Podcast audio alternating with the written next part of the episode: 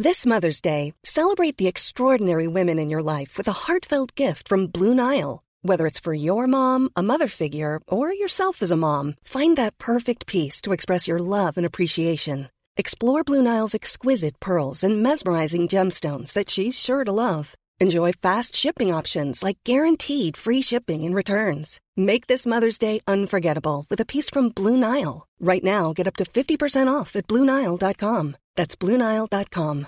Quality sleep is essential. That's why the Sleep Number Smart Bed is designed for your ever evolving sleep needs. Need a bed that's firmer or softer on either side? Helps you sleep at a comfortable temperature? Sleep Number Smart Beds let you individualize your comfort so you sleep better together. JD Power ranks Sleep Number number 1 in customer satisfaction with mattresses purchased in-store. And now save 40% on the Sleep Number limited edition Smart Bed for a limited time. For JD Power 2023 award information, visit jdpower.com/awards. Only at Sleep Number stores or sleepnumber.com. Det här är Bögministeriet, en gravt homosexuell podcast där ni får följa en grupp vänner som fläker ut sina liv i etern. Det handlar absolut inte om sex. Eller jo, det gör det. Men också en hel del om relationer, känslor, drömmar, frustrationer, ja, helt enkelt om våra liv tillsammans. Hjärtligt välkomna!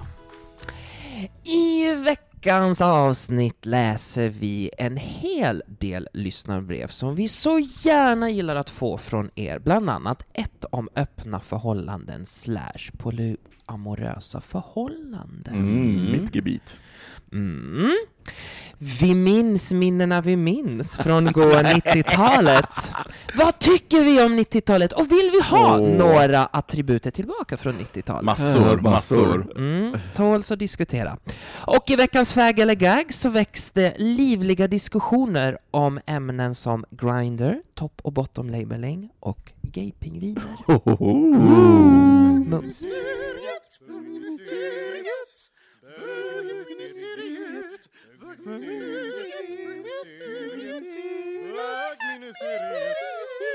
Väldigt blött just nu. Fuktigt. Fuktigt herregud. och moist. Ni hör Moisturize. ju, Miguel kära lyssnare. Välkomna till veckans avsnitt av Bögministeriet. Jag heter Micke Kasanovic och jag sitter här med eh, Filip Moist Pahutski Moist. och Anton Renström. Ja, hej. Hej! Hörni, eh, vi pratade precis om att ordet moist är det mest hatade ordet i det engelska språket och eh, att det låter ganska jobbigt. Moist. Fast jag tycker inte att det låter så himla, alltså är det inte så här moisturize, alltså det finns ändå någon härlig känsla att det är lite så här kletigt och fuktigt och...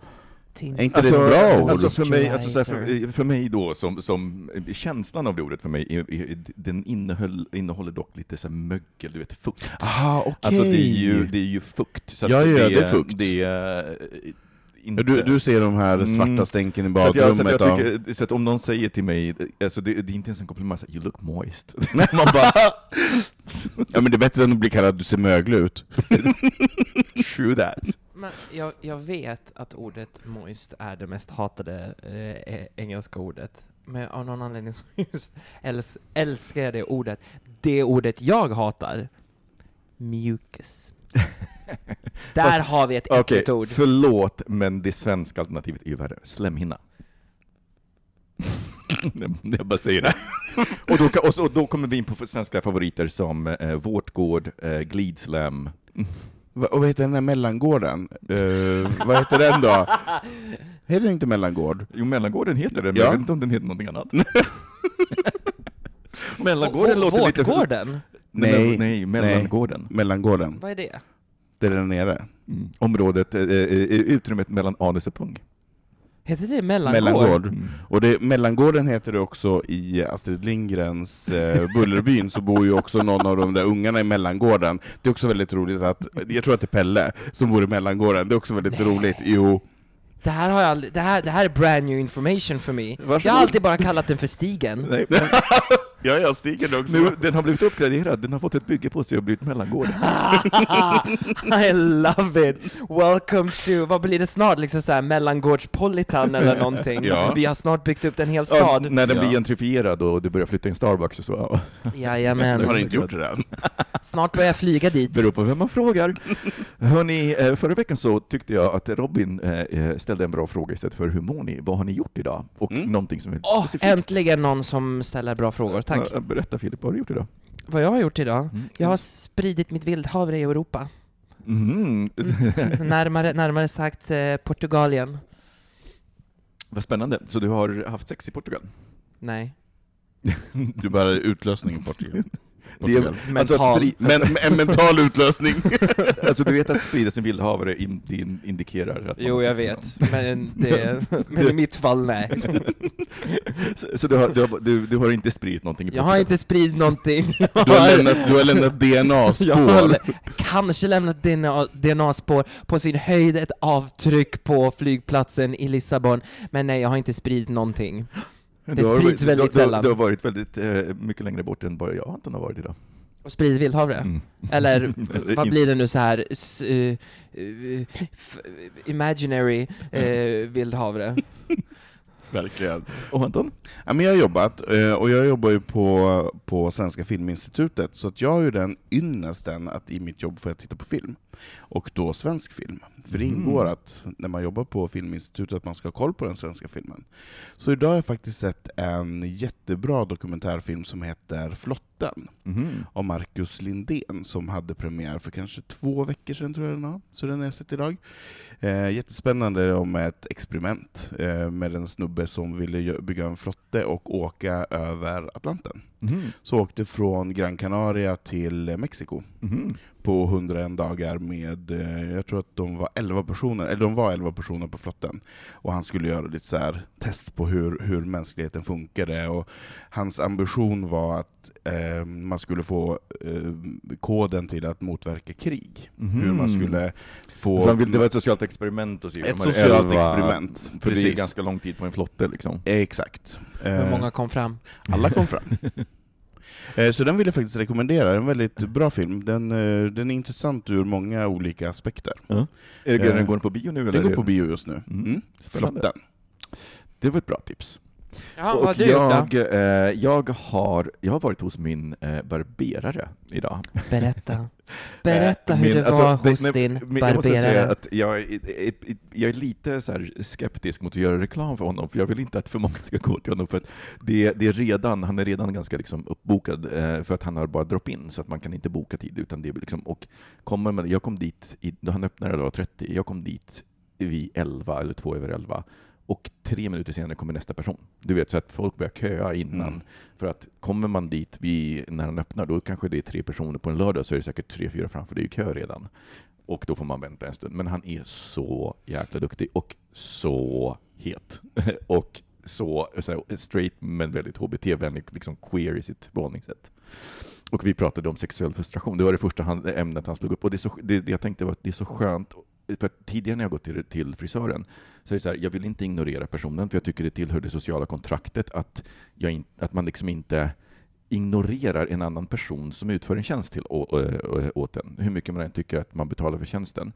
Eh, Men jag har alltid varit stressad över det, för jag tycker det är lite jobbigt att prata om väder och vind, och det ger mig inte så mycket. Eh, och med Justin så har vi liksom, nu har vi lärt känna varandra och han, han, han är på riktigt intresserad, kommer ihåg saker och vi, vi har bondat över någonting. Så vi har, alltså som sagt, det första han sa till mig det var att han pratade om sin sexuella frustration för att hans tjej är gravid. Och jag tyckte det var så himla fint att dels att vi är på den nivån och också att jag du vet, kände att så här, ja men fan vad skönt, jag ska sitta här i 45 minuter och det kommer vara trevligt. Mm. Jag håller med, jag har ju också gått till Justin, så jag vet, men jag fick ju sluta för jag blev så, så eager att kasta mig över honom, så att jag var tvungen att sluta gå till honom. Så att, eh, men, men, och vill ni, eh, behöver ni en barberare i Stockholm så kan vi varmt rekommendera honom. Eh, Hans salong heter Grease and Peace och ligger på Norra Agnegatan i Stockholm. Och det är bara drop-in som, som gäller. Så kan vi rekommendera. Hörrni, jag måste opponera mig till det där med att eh, socialt kontrakt och ignorera så här.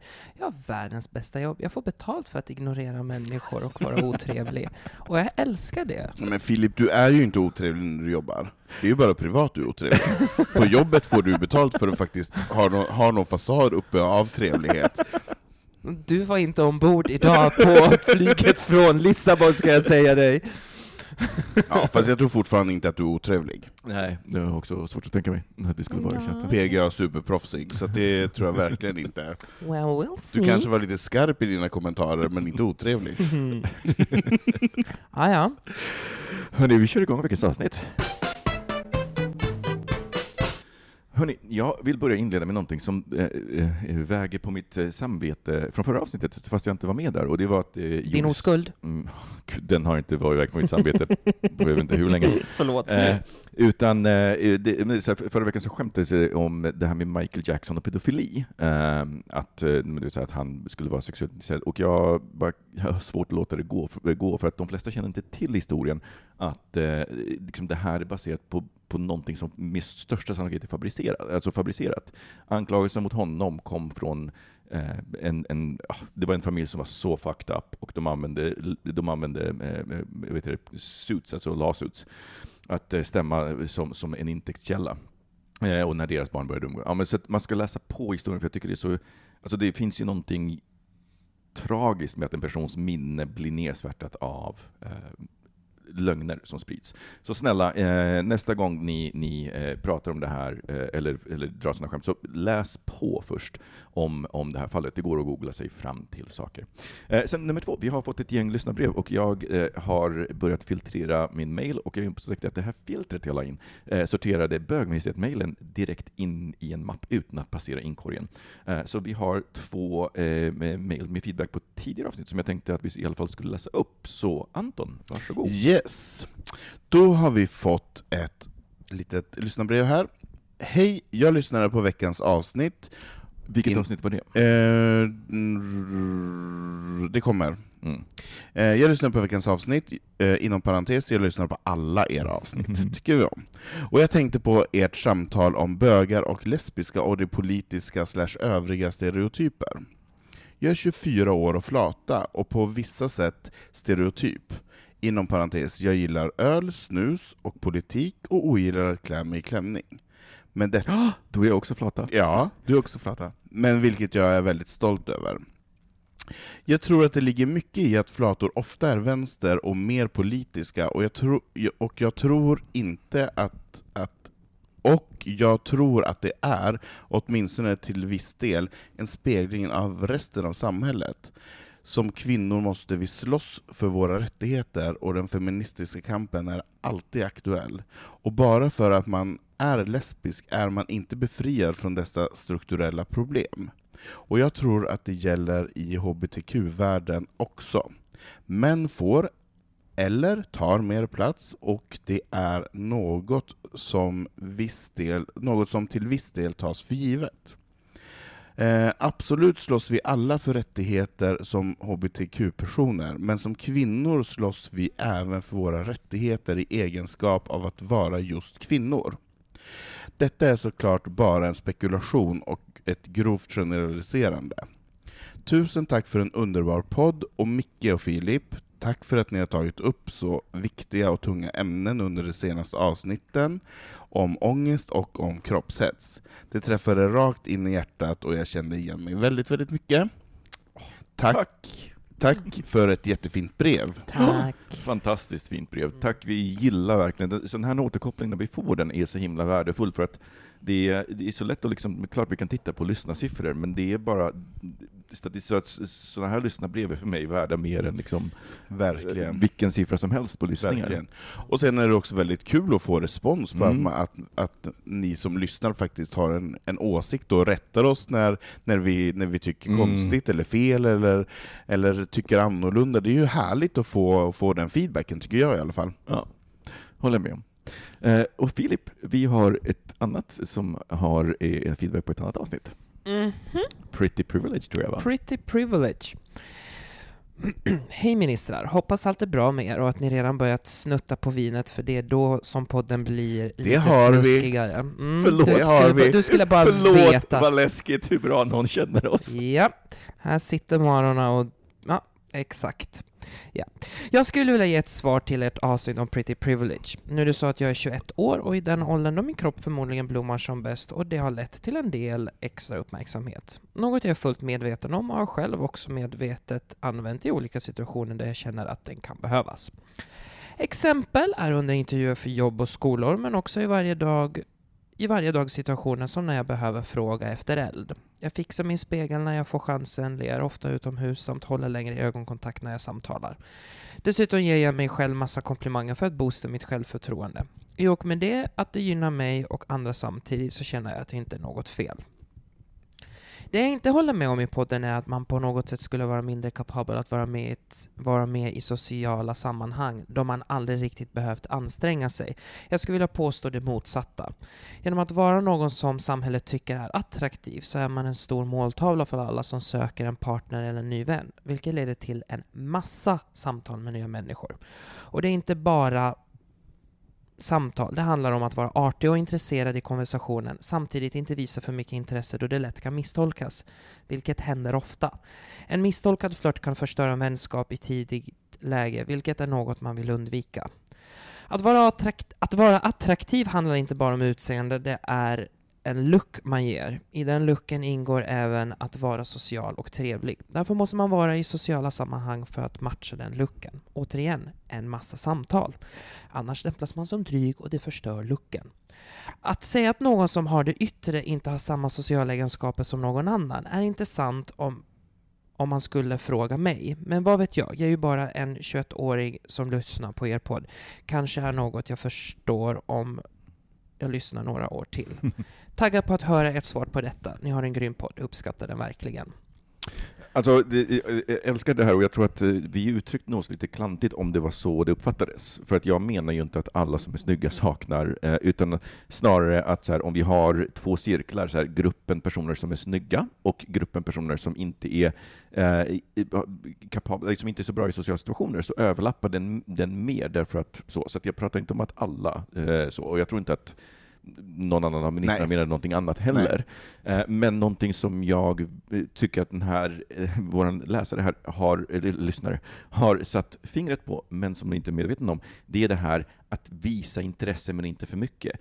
Det är essensen av det, för att det, man, man tror, många av de här personerna, mig inkluderat ska jag säga, tror att man visar ett intresse som är svalt, men det här, det här viljan att inte framstå som intresserad, den lyser igenom i det här. För jag, när, när, när du läste upp det så blev det bara så här, jag bara fick den där bilden av den här personen som är lite dryg, eh, och inte, inte uttalad, utan det är liksom en dryg underton. Och det tror jag för att man kanske då in, vill, inte, så här, vill inte missa det, men jag tror inte att man ska ta ansvar för andras reaktioner på ens egen personlighet. Om det är så att man är trevlig normalt, att skruva ner det bara för att, in, att det är ett konstlat beteende, och så fort man tar till ett konstlat beteende så kommer det att märkas för mottagaren.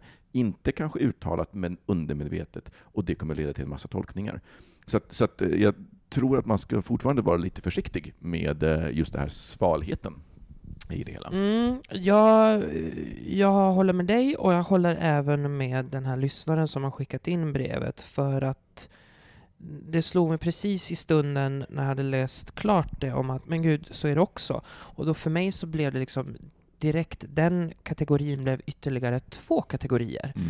Där det är en som är exakt det han skriver i, som, som feedback i brevet, men även att det finns de då man aldrig riktigt behövt anstränga sig. För sådana Mm. har jag också sprungit Mm. på, som bara står och kommer in i ett rum och förväntar sig att allting ska börja kretsa kring den. Och alla ska bara liksom slänga sig på marken och börja worship that person. Okej, vi, vi, vad, vi måste lämna det ämnet, för att, för att jag, just nu så känner jag att jag bara på väg in i det, och vi håller ju på, vi ska ju prata om en bok som heter Straight Jacket, och som Ja! och jag bara så här, vi måste stänga den dörren tills Vi måste stänga den. tills Mm. vi pratar om Tills den vi pratar- boken. Mm. Men för er lyssnare som eh, är nyfikna på det så eh, kommer jag och eh, Filip eh, och en gäst prata om boken Straight Jacket, som är en fantastiskt bra bok som borde vara obligatorisk läsning när man får sitt bögkort.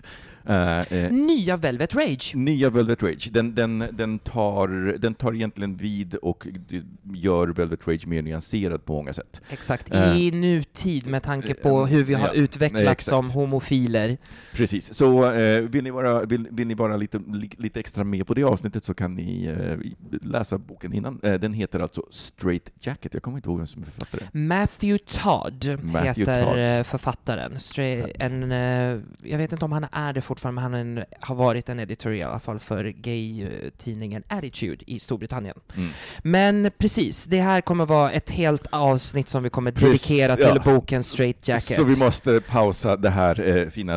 Men tack för brevet ändå. ja. Alltså, ja. Bra respons Samma tycker jag. Där. Och heja dig, heja dig 21-åringen som ja, slut, lyssnar, lyssnar sluta på oss. skriva ner din ålder. Nej, alltså Exakt. var stolt. Ja. Att du är så klok när du är 21 år. Jag det tänkte, kommer... Ja, jag tänkte precis säga, du har nog mer innanför pannbenet än vad jag hade när jag var 21 år, så fantastiskt. Good, for you! Med, med de orden. med de orden.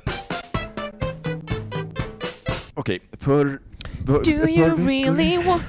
Am I really special? special? Gud, nu har jag den på hjärnan. Tack för den, Filip. Eh, nej, utan eh, för två veckor sedan så satt vi och pratade, och jag pratade om att jag har, liksom, hade haft en otroligt tung period, liksom mycket ångest och eh, liksom att jag insett att jag är högfungerande med ångest och döljer det så bra så att väldigt få människor i min närhet, inklusive jag, uh, liksom jag har nog inte själv varit medveten om det, men jag har också varit bra på att dölja det för andra. Eh, och under den här tiden så har jag ju då, jag har ju mitt eget flykt och beteende och mitt flyktbeteende eh, handlar om att fly in i andra världar, så det är mycket tv-serier, filmer och tv-spel. Så att jag, det jag har gjort nu är att under den här tiden att jag har eh, bingat olika serier. Eh, och en serie, en underskattad serie som jag önskar att fler såg, Scream Queens. Mm. Alltså, helt magiskt. Det är samma skapare som Glee och American Horror Story, och den här ligger lite mittemellan. Så den är, det är en komedi som gör parodi på skräckfilmer. Alltså, den är så himla bra. Eh, inte speciellt queer eller gay, förutom att den, alltså det är ju som Mean Girls, alltså den, den har ju så tydliga inslag av Mean Girls. Och huvudkaraktären är baserad på en, eh, på en riktig tjej som skrev ett, eh, ett, ett, känt mail. Så hon blev liksom ett, ett en, en, en internetfenomen 2013. Så, så att när de skapade karaktären så var liksom det här mejlet en förlaga för karaktären. Eh, och det är så här, mean Girls, alltså, förlåt, men, men om man skulle sätta så här The Chanels, som de heter i Mean Girls, eller i Scream Queens, mot Mean Girls, så skulle The Chanels Alltså de skulle köra över dem i en ångvält. Det är liksom inte ens på samma planet. Superrolig serie. Men den andra serien som jag har bingeat är ju Will and Grace, och jag har ju yes! pratat om tidigare. Eh, och det som är intressant är att då får man ju liksom, eh, för det är åtta säsonger som gick först, mm. så det är åtta år av både gaykultur och popkultur som man liksom får en snabb revy över.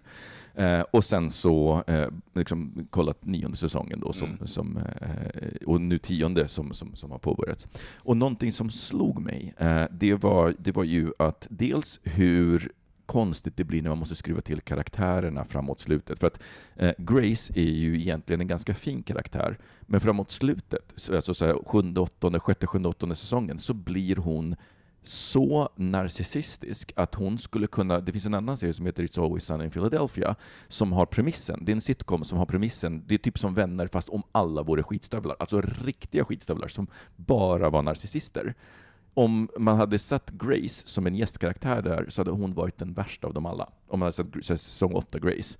Eh, och det är lite tråkigt när de blir till så tillskruvade, men någonting som verkligen slog mig när jag jämförde säsong 8 då, som är den sista säsongen eh, för Will and Grace tidigare, och sen så 12 år senare då, säsong 9 nu då, hur mycket snällare humorn har blivit. Och det ger mig hopp, för att det, det fick mig att tänka på att 90-talets humor var ganska hård mm. och ganska rå och ganska elak. Mm. Och det var liksom ja, men du vet, så här, allting från så här, Eddie Murphy, hade, jag har ju aldrig gillat Eddie Murphy, och det baserar sig på att hans stand-up bara baserar, bara var så här, shock value i att säga faggot. Mm. Hela tiden. Eh, och det var liksom massa ståuppkomiker som, som körde så här shock value och drev med minoriteter utan att driva med sig själva egentligen. Och samma sak var ju Will and Grace. Will and Grace framåt slutet, de, de är så elaka och dysfunktionella att jag nästan blev jag, jag tyckte det var lite obehagligt. Och sen nu i den nionde säsongen så blir det snällare. Till och med så Karen har mjukats upp och, och, och Jack också. Eh, jag tänker, och de har blivit mer politiska. De tar upp så här gay conversion camps på sitt sätt och så vidare. Och det ger mig så mycket hopp om framtiden. Men eh, ja, jag vill snabbt ge en replik på detta, Ja. för att jag har eh, också sett en annan film som eh, har premiär i veckan som heter eh, Lyro. Eh, som andra kanske känner igen, som är skapad av de som gjorde Yrrol och så vidare. Är det sant? Mm. Ja, eh, du behöver inte dra efter andan, för du ska inte gå och se den. Eh, nej men, och, och där är humorn eh, kvar. Den är kvar i det gamla. Eh, och den är väldigt hård, den är väldigt kall, och den, jag blev helt chockerad över 2018 att en sån film får göras. Att ingen har sagt stopp, ingen har sagt nej, Just det här det. funkar inte. Nej. För vad jag tror, att om vi tänker på 90-talet när Will and Grace gjordes och när Friends gjordes och så vidare, så behövde vi det här. Vi behövde den där hårda, kalla käftsmällen för att komma vidare. Vi behövde få ett uppvaknande i, och ing, inget försvar till Eddie Murphy att han säger faggot Mm, eller nej, så, nej, men jag men jag tror att vi Mm. behövde det i den tiden, för att för i vår kamp, där vi är idag, tror jag att vi behövde kunna smälla till lite grann. Och jag tror att många har hjälpt oss genom att bereda vägen genom att vara lite för vulgära och ta ut svängarna lite för mycket. Och nu är vi tillbaka i ett normalläge, då vi faktiskt tack vare olika PK-vågar och så vidare har kommit till ett samhälle då vi faktiskt försöker ta hand om varandra, och då vi faktiskt låter varandra ta plats. Och det är därför jag tror att du reagerar lite grann på... Jag tänker nog inte bara jag håller med, jag, jag säger inte emot det, men jag tror inte bara det gäller HBT-perspektiv, Nej, utan absolut här inte. Nej, men humor, generellt. humor överlag. För om man, om man kollar på så här,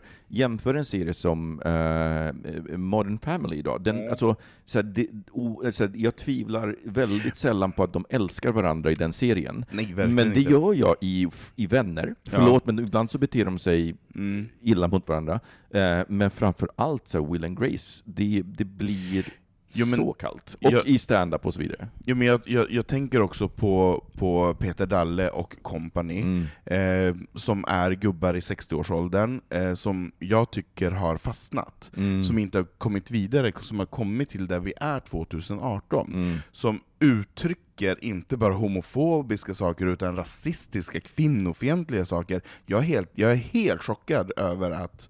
Alltså det ehm, som är tråkigt är att det, det är inte roligt idag. Förlåt, Det- det är Filip. inte kul. Mm, Det är jag, inte kul. sitter, jag sitter här för att jag, jag fattar exakt vad du menar, och jag tror att anledningen till varför just du Anton reagerar på det sätt du gör, det har att göra med att jag tror att anledningen till att man tycker att Friends, eh, sista säsongen av Will and Grace och eh, i min värld Seinfeld till Ja, exempel, men herregud, Seinfeld är så jävla känslokallt. Ja. Eh, har att göra med att i och med allt som har hänt det senaste decenniet med just bland annat PK-maffian, med metoo, med all, all, alla hbtq-rättigheter, allt det har de har sagt ifrån. Det fanns för, för låt oss säga då, Yrrol och alla gamla sitcoms, man, man bara tutade på. Vad kan vi driva med? Vi driver med asiater. Vad kan vi driva med här? Vi driver med kvinnor som försöker eh, slå sig igenom i arbetslivet. Vad kan vi driva med här? Vi driver med bögarna. Och jag vet inte om man kan säga så att det köptes av, av samhället. Nej, men det man, tror jag att det man, sk- gjorde, man, absolut. man, skrattade, man skrattade åt allt. Ja. Sen vet jag inte, jag kan inte... Nej men det Ja. var ju, alltså, så här, de var ju hits när, när de var. Jag menar, Seinfeld var ju verkligen. jättestort, men jag håller jag, Seinfeld tycker jag är ett praktexempel på liksom att det fanns en en känd, alltså det, den humorn var kall och rå Mm. och in, Mm. inte så hjärtlig. Men det är det jag tycker, så här, idag har vi ju en humor som är mer, den är ju mer intelligent. Mm. När, när vi tittar på det som är roligt idag, för jag tycker, jag tycker personligen att man får skämta om allt. Och man Mm. får skämta om min läggning och mitt liv, och man får skämta om, om hur jag är som person, och man får skämta om olika saker. Men man måste göra det med finess, och man måste göra det med hjärta och att det finns en ärlig och fin, ett fint uppsåt. Ja. Och det är det jag tycker saknas i, i 90-talet. Det Mm. saknades lite grann den här ärliga uppsåtet, för man visste inte riktigt. Mm. Man ville bara vara rolig. Ja, men, och, och det är ju alla därför köpte som, det. Ja, och det är därför som 90-talshumor inte åldras. För att jag, jag, var ju, alltså jag har ju varit världens största vännerfan och jag tyckte om det när det gick. Men kolla på det idag, alltså de är ganska homofoba i Verkligen. sina, i sina skämt. Ja, ja. Eh, du, och liksom, det finns en, och, och i den, den eh, homofobin bottnar i ett kvinnoförakt egentligen, Mm. eller i, ett, i, i en uppdelning, för det är ju en, ett förakt mot femininitet snarare Mm. än, än, än bögar. Mm. Så, att, så att det finns ju en, en känslokalhet. Och jag, Mm. en annan sak som jag in, faktiskt inte tänkte på förrän jag diskuterade det här med Justin idag, eh, var att eh, jag har ju aldrig gillat stand-up. Och Mm. det är på grund av 90-talets Mm. stand-up att jag förstod aldrig varför det var roligt att vara elak. Eh, och sen, men nu på sistone så tänker jag så här, jag har ju sett så många bra stand-up comedy-grejer, så att det är ju också ett tecken på att komedin har förändrats. För att det som tidigare var så här shock value, ehm, eh, så här Richard Pryor, Eddie Murphy och så vidare, Mm. Nu är, nu mer intelligent humor som jag tänker Bo Burnham som är så här, en straight vit man som kan driva även med, så han driver med homofobi och, Mm. och kvinnoförakt och så vidare. Eh, eller Hanna, eh, Hanna Gadsby som är eh, eh, Alltså, har, om ni ska se en enda Nanette. sak, Nanette, Mm. eh, på Netflix, det är den, en av de absolut bästa, råaste, jag, men jag kan inte kalla det för stand-up, för det börjar som en stand-up och sen så, blir det, sen så blir det någonting som är så ärligt och rått och, och, och fint och fantastiskt så att jag blir nästan jag blir gråtmild nu när jag tänker på det. Alltså, jag såg det ju tillsammans med Robbie, vi, vi blir liksom, det var liksom så här en käftsmäll Mm. i ansiktet, vi bara satt där till slut, liksom så här att skratten bara så här fastnade i halsen för man bara "Nu- nu är det inte kul. Mm. Nu, this is some serious shit going on now. Mm. Och man blev bara så här, man blev, alltså fasan över att det här är på riktigt, det här har hänt. Och det här händer. Ah, Nej, men hon, är, hon är fantastisk, det är varmt rekommenderat. Hon eh, är, för, för de som inte eh, vet vem Hanna Gadsby är så är, känner ni kanske igen henne om vi säger att hon är en av karaktärerna i Please Like Me, som är kanske en av de bästa gay-serier som har gjorts.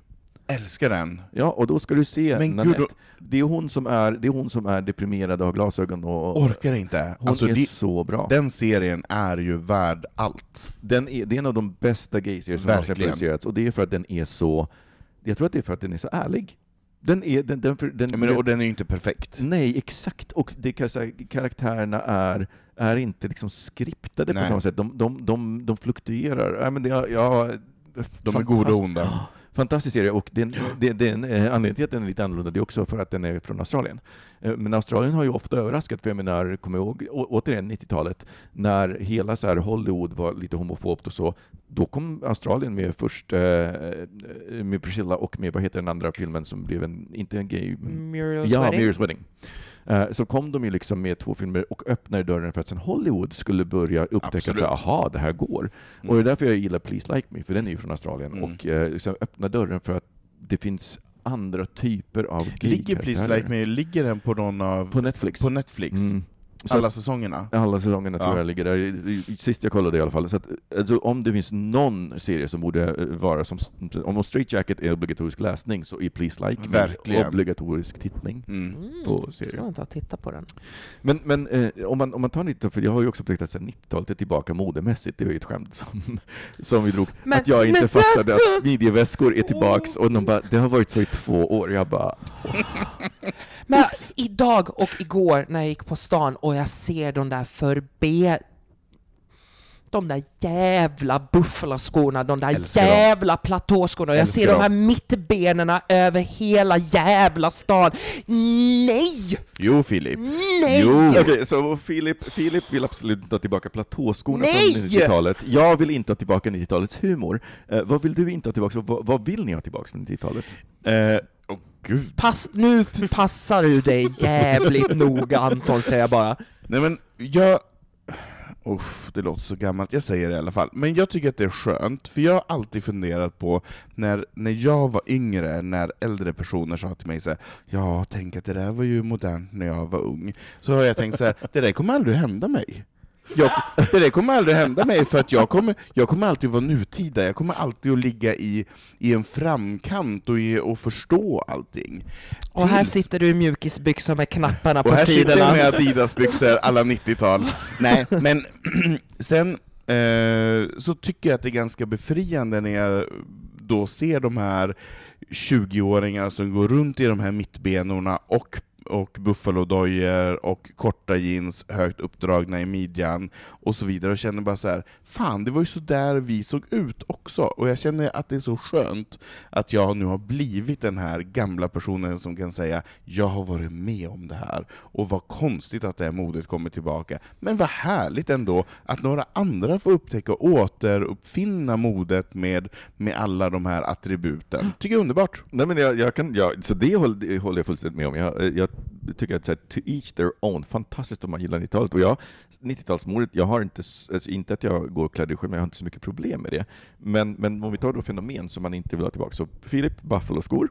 Och de, där, de här Chokers. chokers, Ah. tatu tatuerings... Så, eh, halsband, som halsband. är Nej. tajta runt halsen. Hade du ett sånt på 90-talet? Nej, men jag var så Du jävla... ville ha?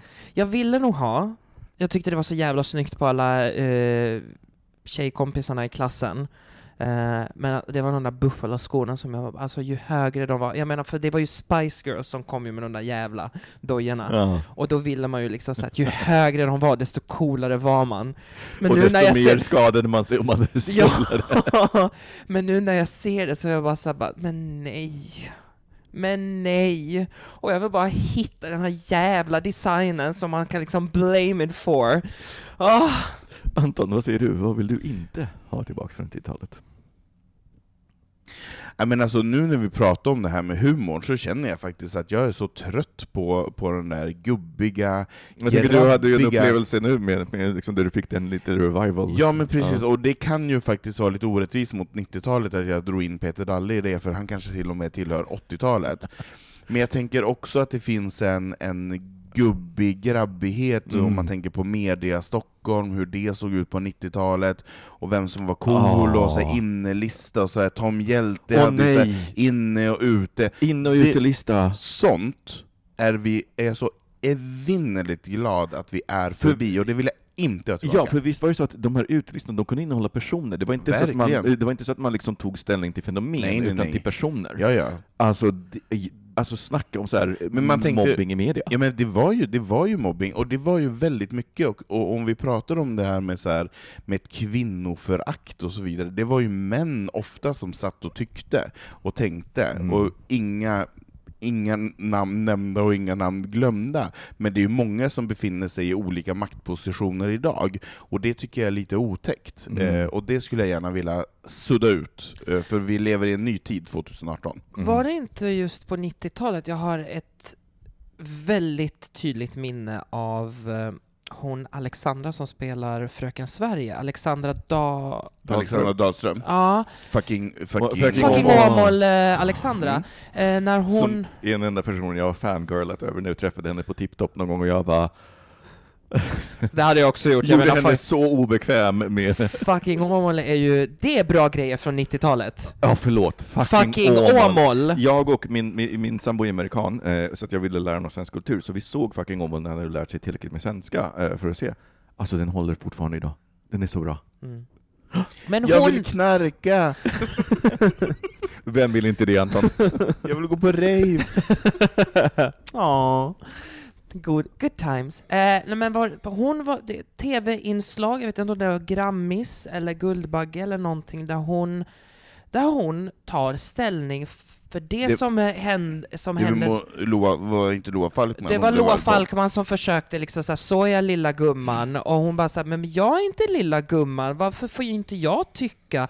Hon gjorde redan då det som skedde nu med metoo förra året, vilket jag ser tillbaka nu och bara wow! Fatta om det hade redan slagit igenom då, Mm. hur, vi, hur Och samhället hade förstå sett att ingen backade henne då. Ingen backade henne. Att, inte, att, in, att vi inte alla bara ställer oss upp och applåderar, för fan, så där får man inte bete sig. Jag var ju väldigt, väldigt liten, så jag, har ju, jag, hade ju, jag fattade ju ingenting. Jag såg ju det här klippet nu i efterhand, idag när man är 30 någonting, fyller år om två någonting. Eh, så det hade ju varit fenomenalt. Så hon började redan då, och jag Hon menar, är supercool. Grymt cool. jag undrar hur det hade sett ut idag om, om det hade redan tagit fart då med, med, den, med hennes Ja, oh, uh, snacka om early, early adopter. Men hörni, vad, vad vill ni se? Vad, vilket 90-talsfenomen som inte vi har, eller som har falnat idag, skulle ni vilja se igen? Alltså jag älskar nu 90-talsmusiken. Alltså mu mu musiken bring it back. Alltså jag vill, jag vill, nu gör jag en shout-out. Snälla, snälla, snälla Kajsa Mellgren, kan inte du bara släppa lite ny musik?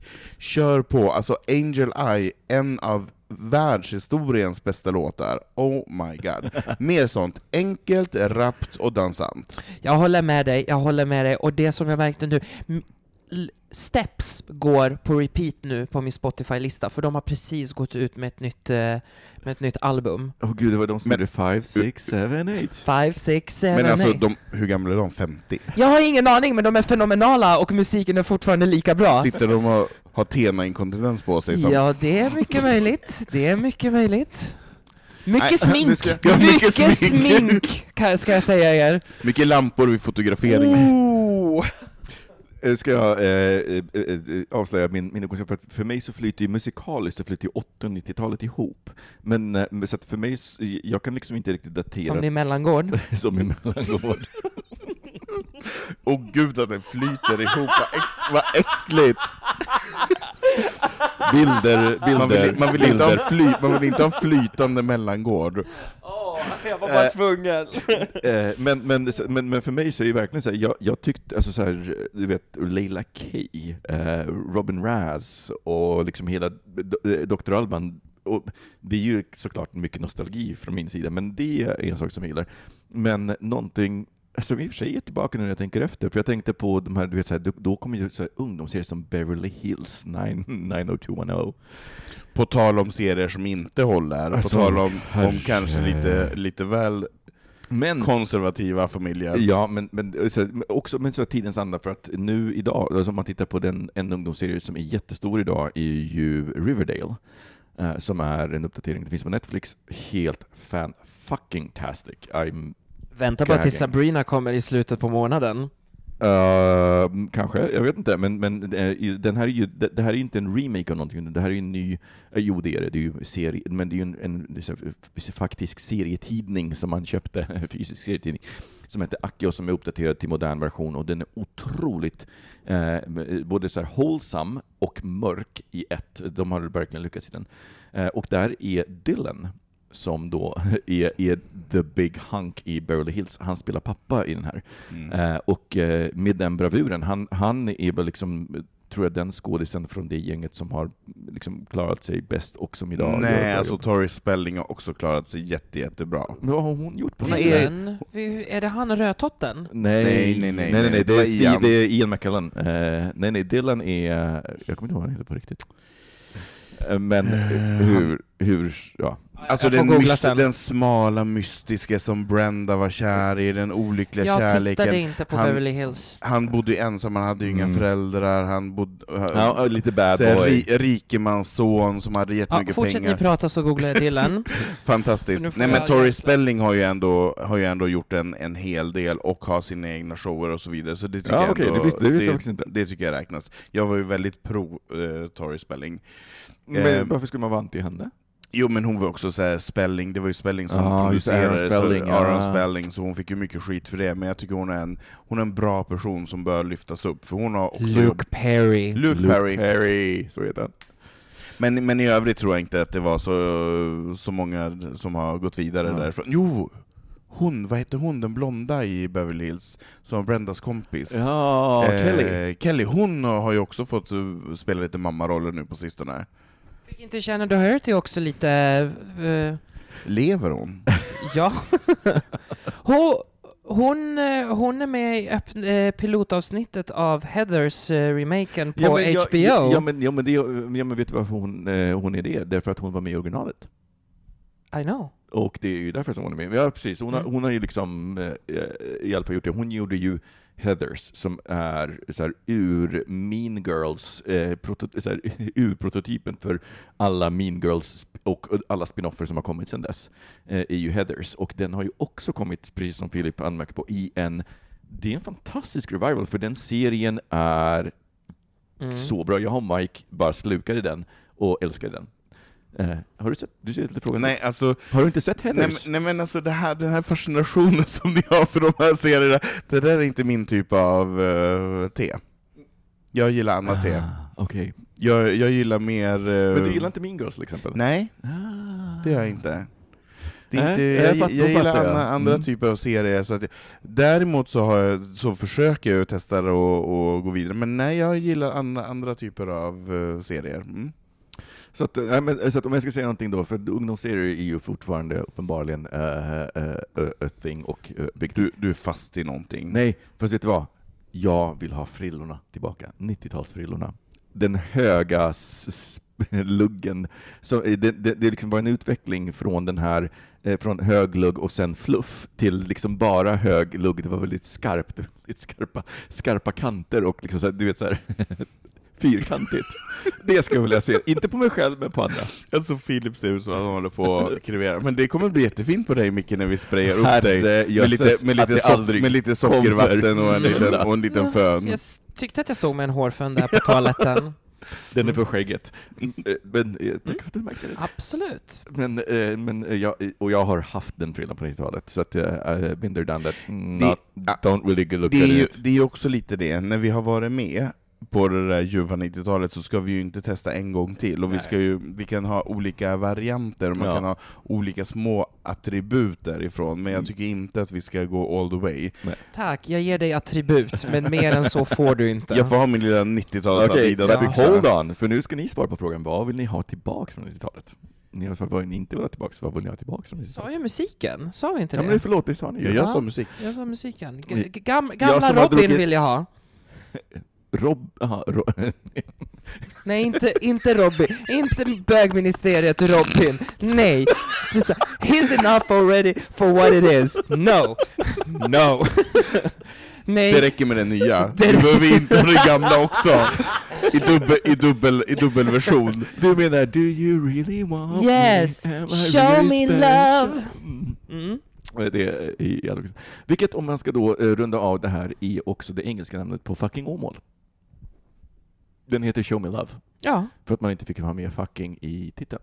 Eh, Så att eh, det det är till, till Titta Show på fucking Åmål om man inte har sett den. Alltså. Det. Och, Och om man sett sett den, den, se den igen. Den, den Se är den igen. så fin och håller fortfarande i allra högsta grad. Och titta på klippet när Och- Alexandra Dahlström säger till Loa Falkman att inte lilla mig. Och om någon känner Alexander Dahlström, framför en ursäkt till henne för att jag gjorde henne jätteobekväm på TipTop någon kväll på 90-talet. And bring back, well fuck me gently with a chainsaw, Heather.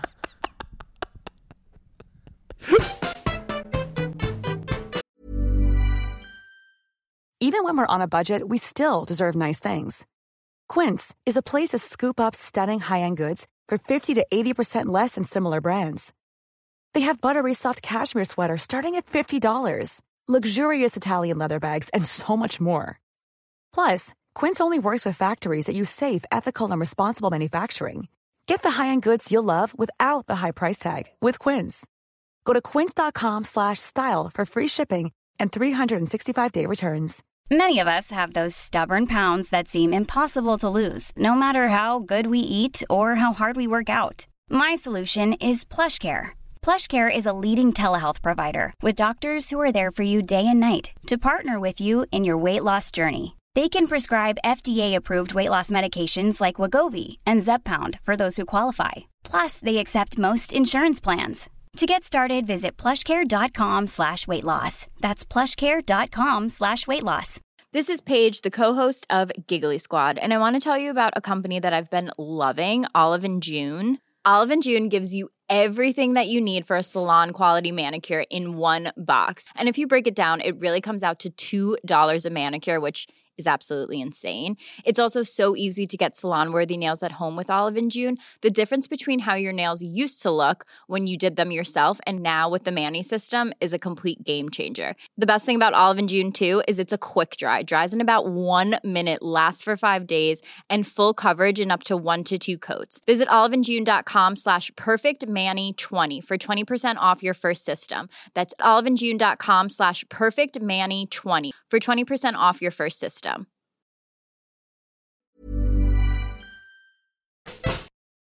En spännande lyssnarfråga vi har fått in i veckan eh, är, har ett ämne som är tillsammans med en kär i en till.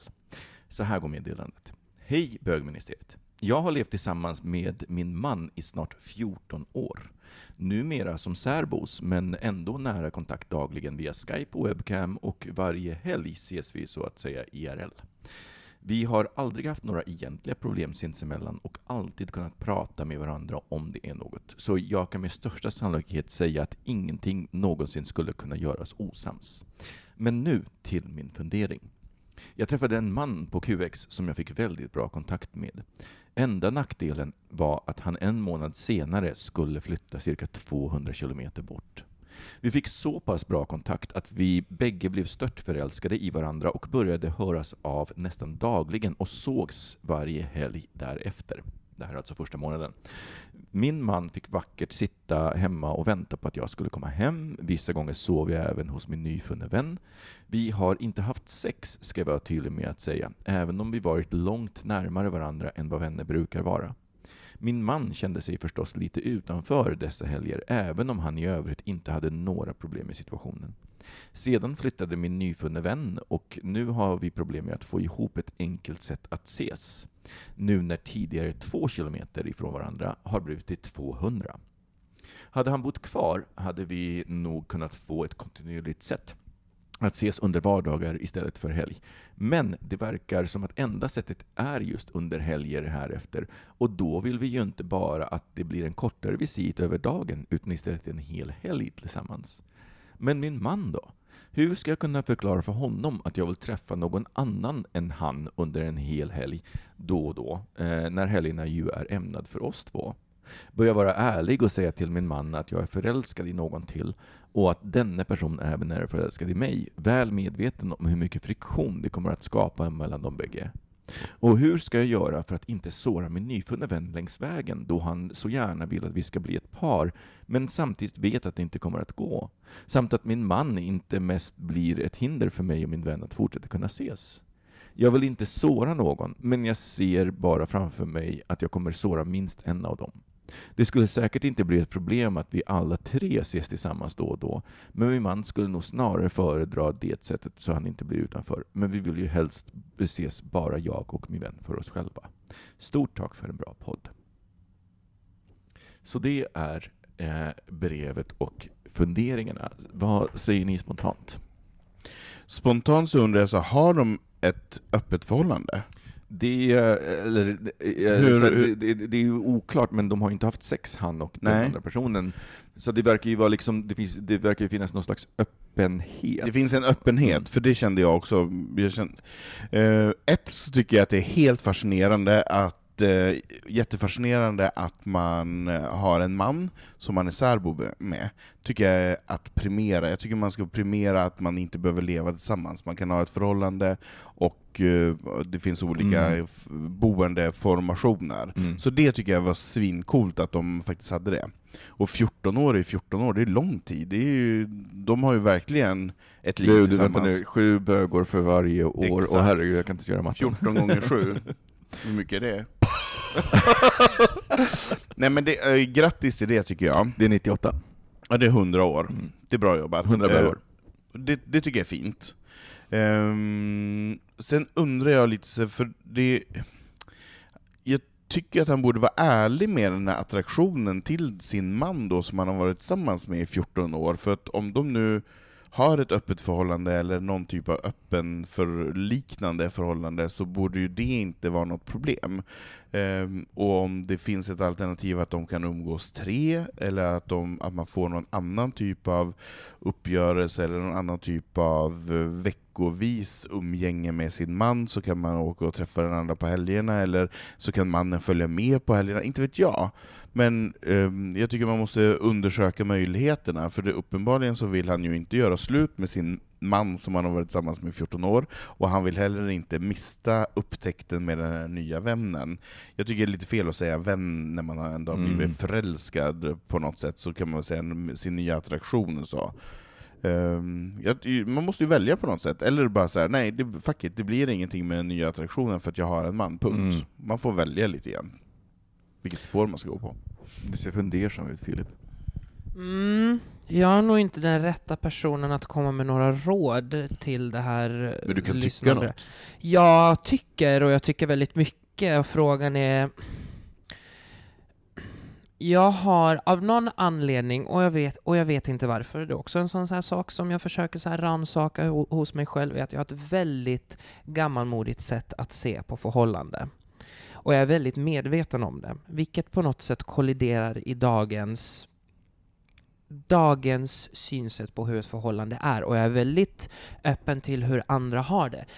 Det finns polyamorösa förhållanden, det finns öppna förhållanden, absolut. Och jag...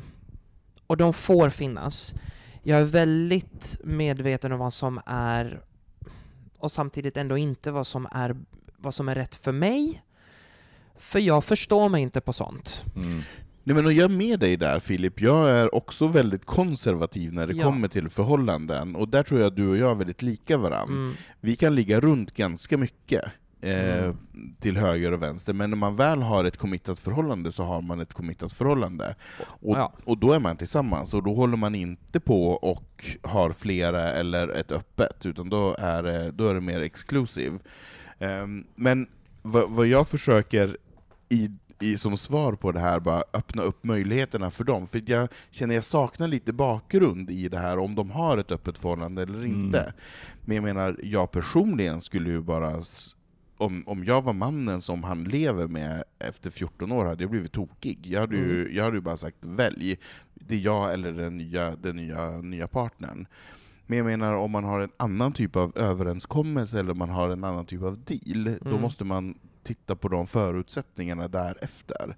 Medan att jag personligen inte skulle vilja ha det så. Jag personligen skulle behöva välja på ett eller annat sätt.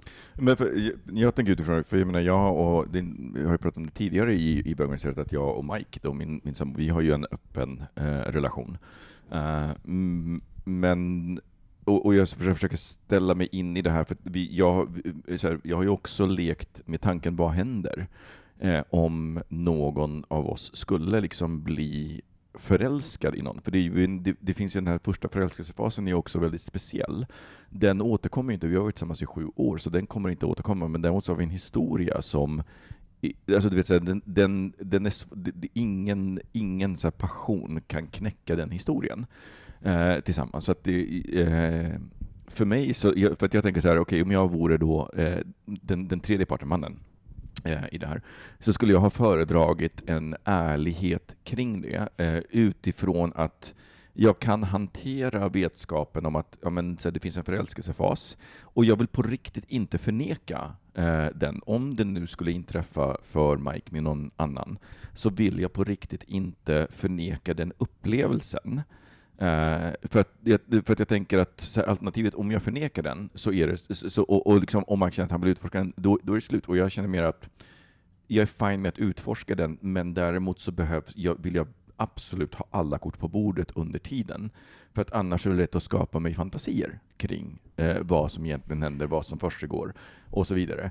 Um, så jag propsar nog ändå för ärlighet. Mm. Och i det här så tänker jag också här, för att den, den gången som jag i mitt huvud har varit, och, och, så här, jag, och man kan inte prata om det, men det är liksom, så här, det finns en gång när vi på riktigt var bägge öppna för att ha en, ett polyamoröst förhållande, eh, som jag är ganska övertygad om. Och eh, det, det, där, det tror jag att jag skulle kunna hantera, att ha en, tre, alltså så här, en tredje person som vi bägge två eh, var, som var intresserade av, av oss bägge två, som vi bägge två var intresserade av, eller kära i, ska jag säga, inte, inte sexuellt intresserade av.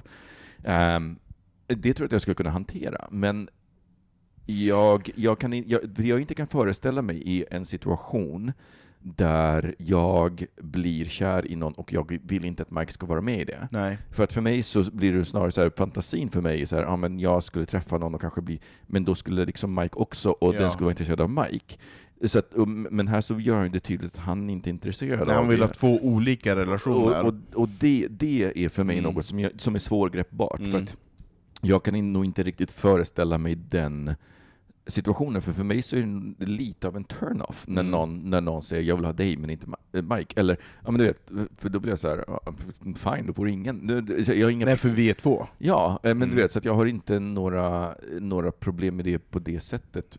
Ja, så jag, jag har svårt att sätta mig in i en sån situation vad man skulle göra, men jag tror på riktigt alltid att ärlighet är det bästa. Man behöver inte alltid ha alla svar, men bara att berätta vad man känner och tänker.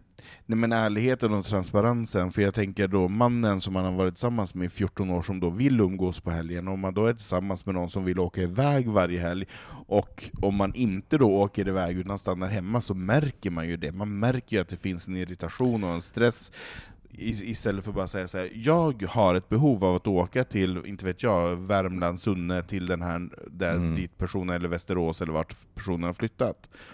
Bara så här, ja men okej, fine, åk dit och var med den personen, för då vet, jag, då vet man ju spelreglerna och premisserna, mm. och då kan jag hitta på något annat istället för att sitta med någon som inte vill vara där.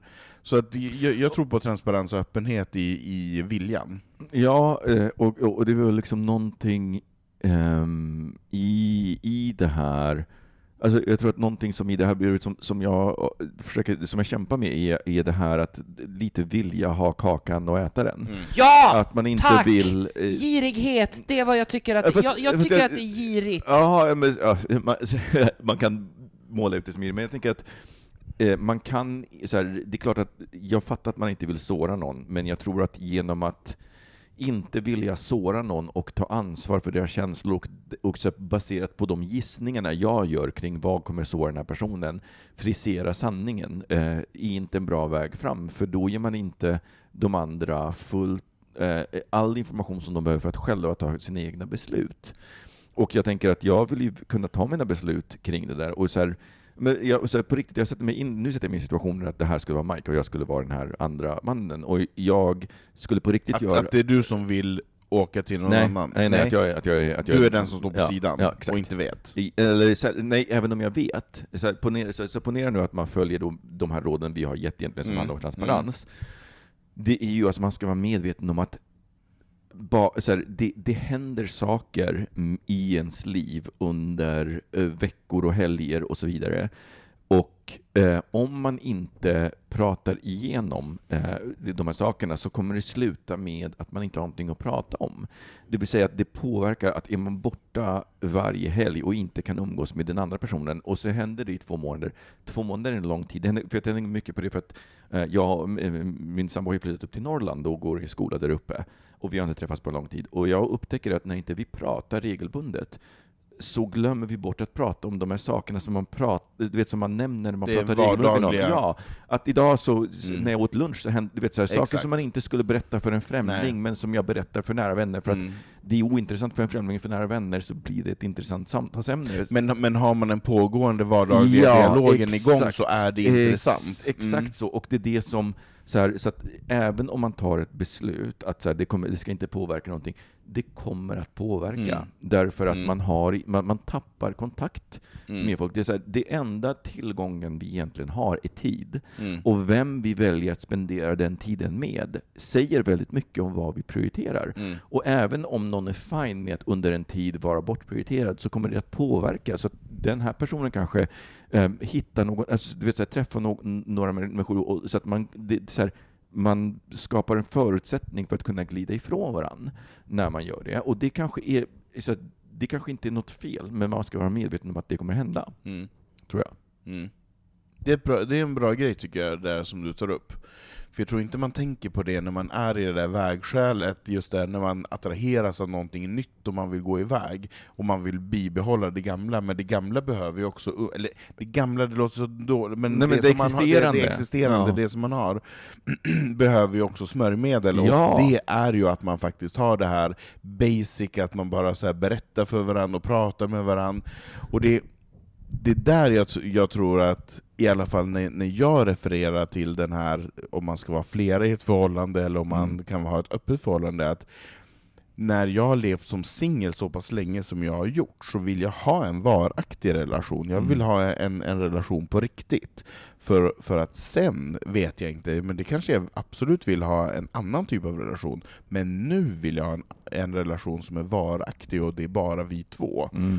Ehm, Och, det, och det här får mig att, att tänka på ett eh, citat som jag hörde, som så satte så djupa spår i mig, för att jag kommer ihåg när det var, det var dessutom under CIME, som är någon slags Mm. tech, digital mässa. mm. Men det var en eh, person från Microsoft som var och pratade, och hon eh, pratade om det här, vår obsession med kvalitetstid. Att vi ska spendera kvalitetstid med våra nära och kära. Men faktum är att vi måste spendera även den, alltså för, för kvalitetstid har ju något, någon slags innebörd att allting så här, det är roligt, har en mening, man äter och man har roligt tillsammans. Men med de personer man på riktigt älskar har man tråkigt med. Man spenderar så mycket tid med dem att man på riktigt får tråkigt, för det är då det blir intressant. Och, och jag tänker att, att det finns, alltså så, här, så, så tid handlar inte om kvalitet bara, utan handlar om kvantitet. Oavsett hur sen kvaliteten är. De, det finns en någon slags korrelation där. Och jag, jag tror att det är också viktigt att, att ha i, i tankarna. Eh, och sen så är det ju det här också så här, jag, jag fattar på riktigt det här short term, passionen och så. I, I och med att jag har tänkt på att så här, det är en sak som jag har, eh, jag, menar, här, jag kommer ihåg hur det kändes och det är otroligt häftigt. Men man måste ju väga det mot risken, att även om den andra personen är fine med det, så finns det, så öppnar man, liksom man, man, man, gör den, man, man öppnar för en reva eller en klyfta att öppna upp. Och det kan hända, och, man kan, och det är en risk som man måste vara beredd att ta i så fall, ska jag säga. Att eh, om man utforskar det här spåret så finns det en risk att det existerande försvinner. Är man fine med det? Och så vidare. Mm. Men oavsett vad, alltså förlåt vilken fantastisk... Det, det jag älskar det är det här med relations... Alltså att, att här, frågorna blir så komplexa och nyanserade på ett Mm. sätt. Och också synliggör hur olika våra relationer kan vara. För det- någonting som jag kan tröttna på det är det här stereotypen kring relationer. Ja men verkligen. Också som du reagerade på, att här, man måste bo tillsammans. Det måste man inte. Det måste man inte. Man kan vara särbos. Det Verkligen. finns ett ord för det, särbo. Jo men precis, men det är ju heller ingen norm. Det är ingen norm att vi, så här, vi går in i ett förhållande, att jag och Filip blir tillsammans och är jätteförälskade, Mm. men är nöjd. Men det, det kommer inte, Filip ser inte så rädd ut, ser inte så rädd ut. Men, men, men att... och jag tar på Filip samtidigt som jag säger det, var inte rädd, var inte rädd. Now that was, that is a read. verkligen, verkligen, verkligen. Nej men, nej men att man faktiskt kan ha olika förhållanden, eller olika boendeformer, eller att man kan Mm. bo i olika städer. Alltså det behöver inte vara så att man följer det som man har sett, eller det som man tror att man behöver göra. Det kan se olika ut, och det tyckte jag var fint att de faktiskt är särbos. Mm. eh, och har varit tillsammans i 14 år, för jag förstår också att de hade bott tillsammans men nu var särbos av olika anledningar, vilket är bra. För det tycker jag vi ska uppmuntra mer till att ha olika, Relation, olika olika, alltså att olika- prata igenom relationen och inte applicera de här stereotyperna man har Exakt. fått med sig, för man Precis. har olika stereotyper för olika människor. Ja, Och jag tror att många gånger, på riktigt, jag tror att många gånger det som, eh, eh, alltså, det här, min, om, att min och Mikes relation har, har klarat sig, tror jag är en ren lyckosam träff, att vi har haft samma eh, antaganden kring relationer. Mm. Vilket gör att, så, här, så, så att i början så pratade vi inte så mycket om det, utan det var snarare så att, så att saker hände, men vi hade samma syn på det, så det blev inte hotfullt på det sättet. Och det är ju en ren, alltså förlåt vilken tur det är i sig. För att det finns ju bara, alltså bara i bögmuseet så har vi ju liksom sju olika antaganden på sju olika ministrar. ja, ja verkligen. Så att det är, vi har väldigt olika antaganden. Mm. Varför ser du så skeptisk ut? Filip är fortfarande rädd att, vi, att, jag ska, att jag ska flytta in hos honom. Och Robin. Vad mysigt, vad mysigt vi ska ha! Ett polyamoröst förhållande ska vi ha. Du och jag, Jag och säger, Robin. jag säger ja till det faktiskt. till det säger jag ja. Välkommen. herregud. Det var det perfektaste avslutet på det här, det här segmentet i bögministeriet.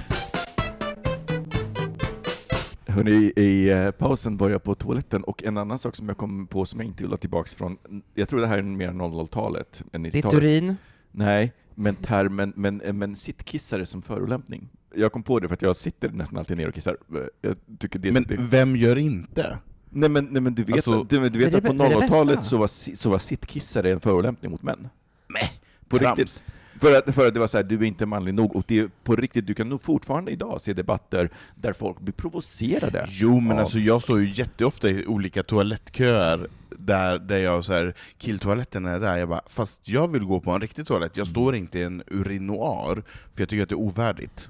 Okej, det var inte det vi Nej, skulle... men för en liten inflick på det där om just eh, Mm. eh, debatter. Det var senast idag som jag såg eh, Eh, ett inslag om Daniel Craig gick på stan med, babe, med sin nyfödda i en babysele framför och vad heter den här jävla brittiska reportern, jag gör air quotes, som hade eh, han har varit med i uh, Britain's Got Talent.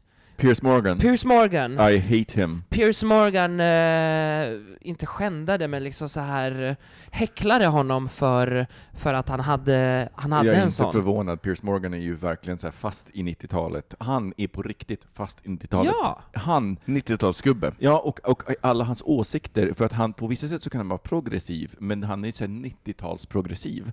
Och sen så är han precis, exakt, precis så. Han, han, Men vad tyckte han var fel? Att det... Nej men vad, vad var det liksom så Att han- här att det var, att det var, in, vad var det att, no, not 007, not you too.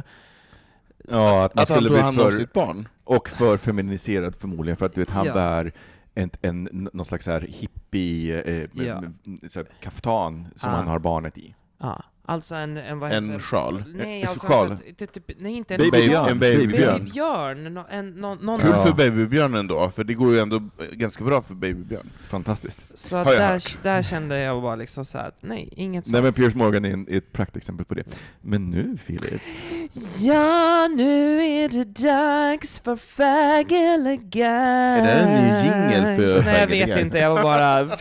Anton, berätta för oss, hur går fag eller gag till? Snabb Fag gag går till på det här sättet att en, idag är det Filip som ställer fem stycken påståenden, och då får jag och Micke tycka till, och tycker vi att saken är bra så säger vi Och det är en... Fag. en fag.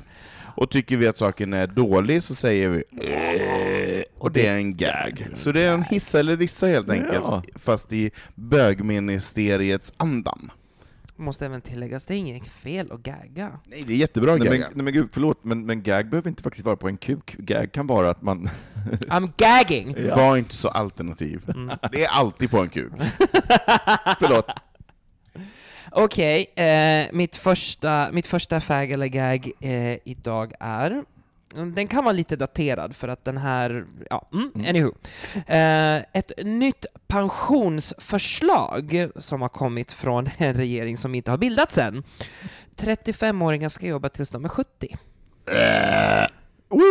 Alltså, för att jag tänker på riktigt, någon måste börja tala sanning kring det här. Och det är så att våra, som det ser ut idag, så kommer inte våra pensionssystem klara av det. Eh, och jag tror att det är bättre att tala sanning om det redan nu, än att lu, äh, lura in folk, för det den bitterheten som det skulle skapa att lura folk in i det och ge dem chimären, är, tror jag, mer destruktiv än att faktiskt tala sanning om som det är idag. Att eh, vi kommer behöva jobba längre. Du vet att när första pensionsåldern las så var genomsnittslivstiden i Sverige, i, Sverige, och, eh, i Sverige under 65. I alla länder där den las på 65 var den, eh, förlåt, ja precis, att folk dog innan 65. Va? Mm. Nej. Okej. Jo. Wikipedia Oh har talat, du gaggade Anton. Ja, men jag känner bara så här, fuck it, jag kommer inte jobba en enda dag över 62. Köp Triss. Ja. Anton, pensionssparar du? Ja, jag köper Triss. Jag pensionssparar noll kronor, men jag köper väldigt mycket trisslotter. Fair enough. Oh, Okej. Ja, då får du jättegärna flytta in med mig och Robin om du vinner på en av de där trisslotterna.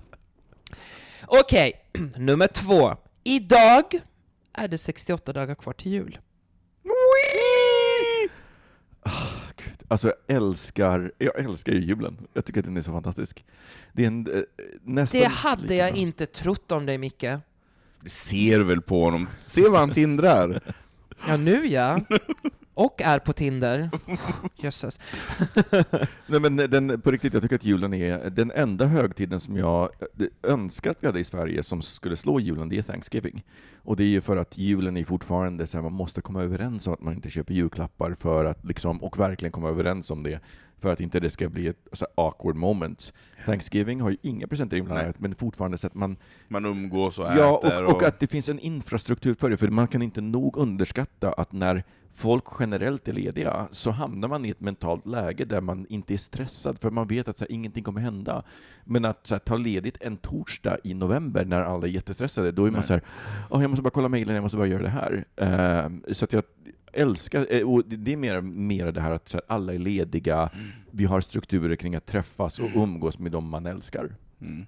Men menar du alltså att du gillade Thanksgiving inte Jag gillade älskar Thanksgiving Ja. just därför att Thanksgiving är allt det som julen är utan, utan någon som helst presenter. Det finns liksom inte ens något att diskutera. Ja, jag älskar Thanksgiving. Det är så roligt att bara sitta och äta god mat och bara vara med sina nära och kära och eventuellt sådana som man inte tycker om.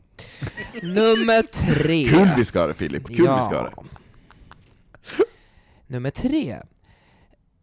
Grindr tacklar online-rasism med, sin nya vett, med sitt nya vett och etikettkoncept Kinder. Nej, Nej. jag vet inte vad Åh, har du missat? Ja. Nej, alltså det här tycker jag är jättebra. Jag tycker att det är jättebra... Anton får förklara. Ja, förklara. Nej, men, eh, jag kan inte förklara, jag tycker bara att det är bra att eh, olika plattformar tar ansvar för att man ska vara snäll. Men jag förstår inte vad Kinder är. Det är allt det som vi har egentligen i princip ältat nu, gångna året, det här året med just Grindr och Mm. allt det här hetsen och det här med no, No Asians, blacks, no, ja, blacks. ja, och så här. ja, ja. Grindr har, och jag hoppas verkligen att de verkligen har det, tagit sitt förnuft till fånga och sitt ansvar och går ut med, nu har jag inte sett några på ett tag, men ett tag så var det, jag vet inte om det var varannan vecka eller en gång i månaden, där det första som händer när du loggar in på Grindr så kommer det upp ett Kinder, och så tar liksom så här, no blacks, eller liksom, eh, all, alla de här jobbiga sakerna som uppstår med gay social dating eh, app, där de går igenom varför det inte är okej. Men, men är det, så att säga, är det någonting som får konsekvenser om folk gör det? Det vill säga, blir man avstängd från Nej, men det är ett villkor som du måste gå med på. För, när du går- nej, fast, fast nej, nej, så här är det att Grindr, alltså anledningen till att Grindr har fått så mycket kritik tidigare är för att de har vägrat eh, liksom, göra någonting åt profiler som till exempel skriver så här ”No blacks, no femmes, no asians”. Eh, och det har baserat sig i att grundaren är eh, eh, eh, judisk. Och han har liksom någonstans sett det, så, så här, sin judiskhet som någon slags frikort för att folk säger det liksom så också, men du vet. Ehm, och det finns sådana konnotationer, och man har vägrat, man har inte gjort något, så det har kunnat rapportera sådana profiler, men det har inte hänt något. Så det är det som jag undrar, så här, får det konsekvenser? Får det konsekvenser om folk gör det? I'm all for it. Får det inte konsekvenser, det är bara läppar. Nej, men det är bara läpparnas bekännelse. För de har all makt. Jo, fast jag menar så här, om ett företag nu, eller som en, en aktör går ut och säger det här, så måste vi ändå tro, man måste ändå tro att de vill göra gott. Sen får vi se vad de gör av det, om det blir en konsekvens. Nej, men det och gör, så här, och, om och det- gör om de det det, här- inte, då får vi sluta använda grejen.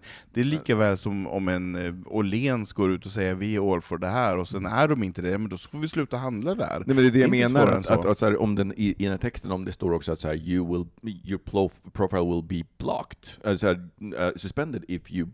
Då är jag, är jag fine med det, men annars så blir det ju bara någon slags så här, ja, ah, nej men, eh, eh, vi tycker så här, och sen så straffar vi inte användarna Men kan, men kan det inte vara bra också att man bara uppmärksammar också ett fenomen, att man pratar om ett fenomen För jag som... tror att just nu är det bara ett uppmärksammat fenomen, för jag tror att du kan också inte man blir bara blockad. klicka bort den. Ja, men, men jag tycker att det är bra att man uppmärksammar det, att, att lyfter det så här, det är inte okej att bete sig på det här sättet. Men, ja, absolut, men samtidigt så blir det lite som en förälder som är så här, till sitt, till sitt barn som är så här skrikigt och förstör någonting, och man bara, det är inte okej att bete sig, och sen, straffa, och, och sen inte straffa Jo det. men vad fan, alltså det är klart att, att mina föräldrar har ju, har ju gett mig förhållningsregler som har skapat den produkt som jag är. Absolut Anton, men, men jag kan inte på riktigt se hur man kan argumentera för att ett företag säger det här, så här får, liksom, det här är inte bra att skriva, och sen om någon skriver det, inte gör någonting åt den profilen. Nej men alltså om, man, om det är så att det är offended så att man anmäler då måste de göra någonting åt det, tycker jag absolut. Men jag menar som kampanj behöver man ju inte, det behöver inte stå Fast man i måste villkoren sätta, fast man för måste ju sätta det i ljuset till att de tidigare uttalat har vägrat att ta bort profiler som skriver sådana saker för att de tycker, inte att, de tycker att det har varit okej. Och då, Så att om du sätter det i den kontexten och har då att de säger att det här är inte bra att göra, och om de fortfarande inte straffar folk för det, så blir det ju bara läpparnas bekännelse. Ja, då är det vargen kommer. Ja, så att då, Mm. det, det är därför jag tycker att det, här, det är så otroligt viktigt med vad får det för konsekvenser. För att de har tidigare Dödsstraff. haft en historia att inte, nej men, så här, nej men förlåt, men att du faktiskt får, i- så här, för jag menar, det är klart du kan skapa ett nytt konto och så vidare, Mm. men att du faktiskt får gå igenom den här jävla proceduren att skaffa en ny e-mailadress och skaffa ett nytt konto och så vidare. För att annars så blir det ju fortfarande bara, för tro, på riktigt, tror att de människorna som skriver no blacks, no asians, no fems, tror att de bryr sig om någonting som bara säger be kind. Mm. Det här, det, här var, det. det här var superintressant och det Ja. här ska jag definitivt ta och luska vidare Mm. för det här kan bli Mm. ytterligare ett bra ämne. Ni lyssnare, eh, hör ni, ser ni någonting på vägen angående detta, snälla send it my way så att vi kan ta upp det här och eh, uppfölja. Men nu går vi över till Nummer fyra. är det nummer fyra nu? Ja, nummer fyra. Vet alla vem Andy Cohen är? Mhm. Mm. Mm. Andy Cohen har nyligen sagt Top and bottom labels är outdated. Okej. Vi har en som gaggar och en som faggar. Vi går till gagget. Tell me. Men vadå att det skulle vara... Alltså man, man, man... Jag tycker att man måste kunna få vara det ena eller det andra, man behöver inte vara både och. Eh, Det, det måste få finnas någon typ av ehm, tyckande eller, eller känslomässig styrning i saker och ting. Sen om man gillar både och, eller om det är en, en, eh, o, att det skiljer sig mellan olika partner, so let it be. Men det måste ju fortfarande finnas någon typ av, eller jag tycker att det måste finnas, för mig, en definition, ja. Tack Anton. Och jag, håller, jag, jag säger inte emot dig, men, men för mig så är top, bottom och alltihopa där så kontextuellt, så att jag på riktigt gillar inte att få den frågan innan, till exempel, så, nu var det länge sedan jag använde Grindr, men om jag använder Grindr och någon bara skickar top eller bottom, och jag bara, alltså Nej, förlåt, men it fucking kills the mood, för att jag är inte, så här, för mig så är det verkligen så här in, och det här vet jag att Robin, vår medminister, inte håller med om. Men jag tycker att det är mera så här. Will know when we meet. Jo, det, men det-. Ja, jag håller med. Jag Nej, men- håller fullständigt med. Nej men och det håller jag också med om, det är väldigt ointressant att få den frågan, men det, för mig, den, det påståendet handlar om hur jag definierar mig, hur jag, hur jag uttrycker mig. Eh, och Men även där, förlåt, men jag tror att det... så- Jag har mött väldigt få människor i mitt liv som på riktigt har varit det exklusivt det ena eller andra. Eh, Och för de flesta så upplever jag att det har varit mer kontextuellt. Så att jag kan ju bara dra på den erfarenheten och tycka att så här, då blir det ju väldigt, så här, den, den labeln applicerar på så få, så att då blir det nog fortfarande egentligen irrelevant för det är så många använder den i fel syfte. Ja, och det kanske, det kanske också har någonting med det strukturella problemet vi har i samhället också, hur, hur vi ser på saker och ting. Så det finns säkert en, en mer djupgående... Ja, men precis, för att jag tänker att, på, på, för det finns ju på riktigt, om man, om man så här följer strömningarna i, i gaykultur så är ju Reddit en ganska bra sajt att kolla på. Där finns det en otroligt giftig subreddit som på riktigt, det är självskadebeteende att kolla på den om man inte kan ha liksom distansen till det, men den heter Ask Gay Bros och den ska liksom vara någon slags maskulinitet, uh, don't even get me started.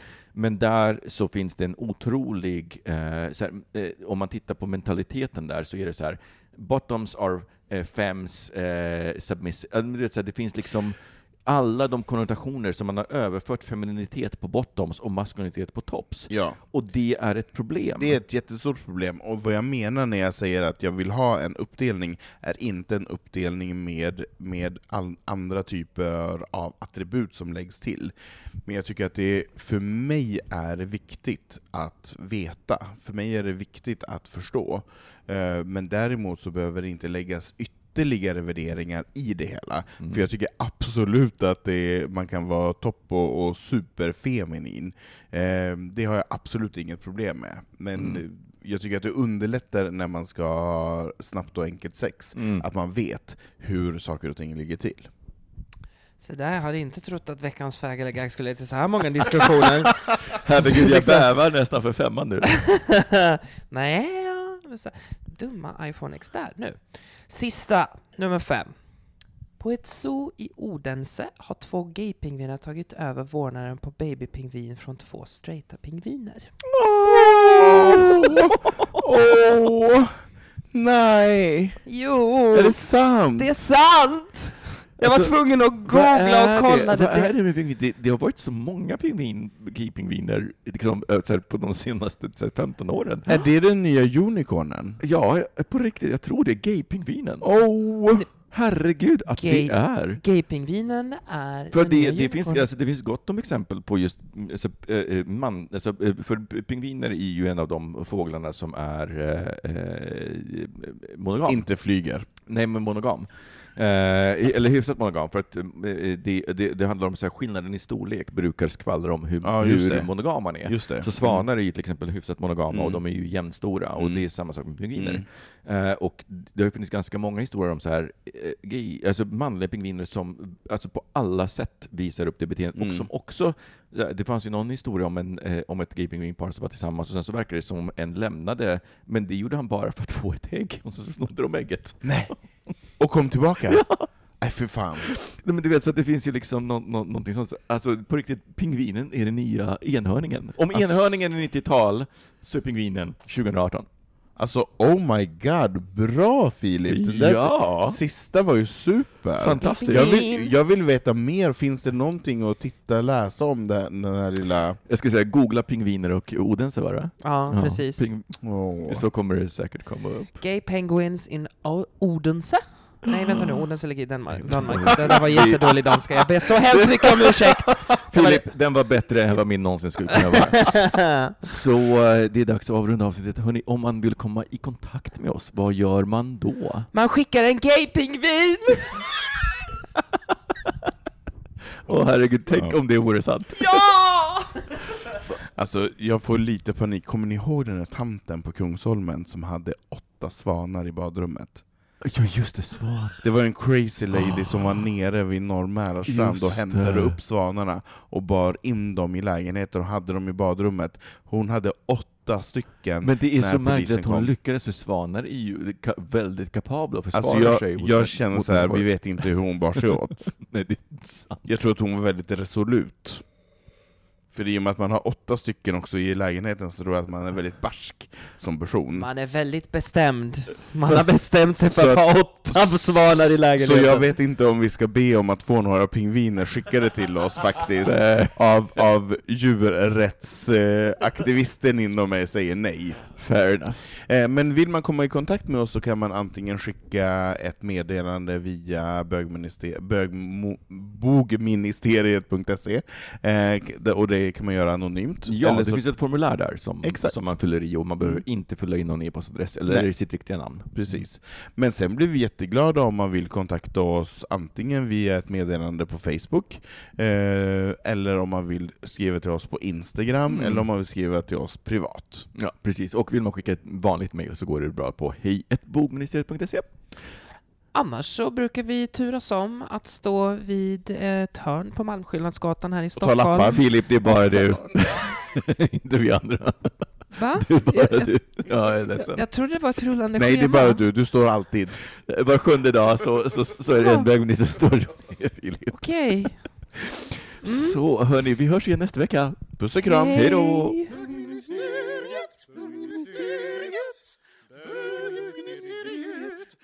Hi,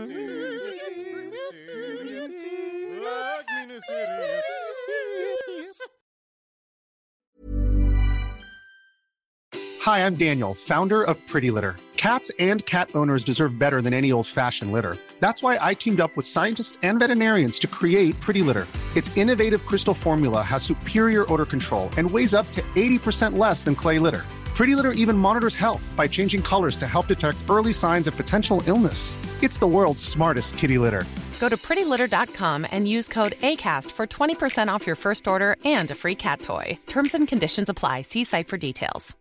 Imagine the softest sheets you've ever felt. Now imagine them getting even softer over time. That's what you'll feel with Bowl and Branch's organic cotton sheets. In a recent customer survey, 96% replied that Bowl and Branch sheets get softer with every wash. Start getting your best night's sleep in these sheets that get softer and softer for years to come. Try their sheets with a 30-night guarantee. Plus, get 15% off your first order at bowlandbranch.com. Code BUTTERY. Exclusions apply. See site for details.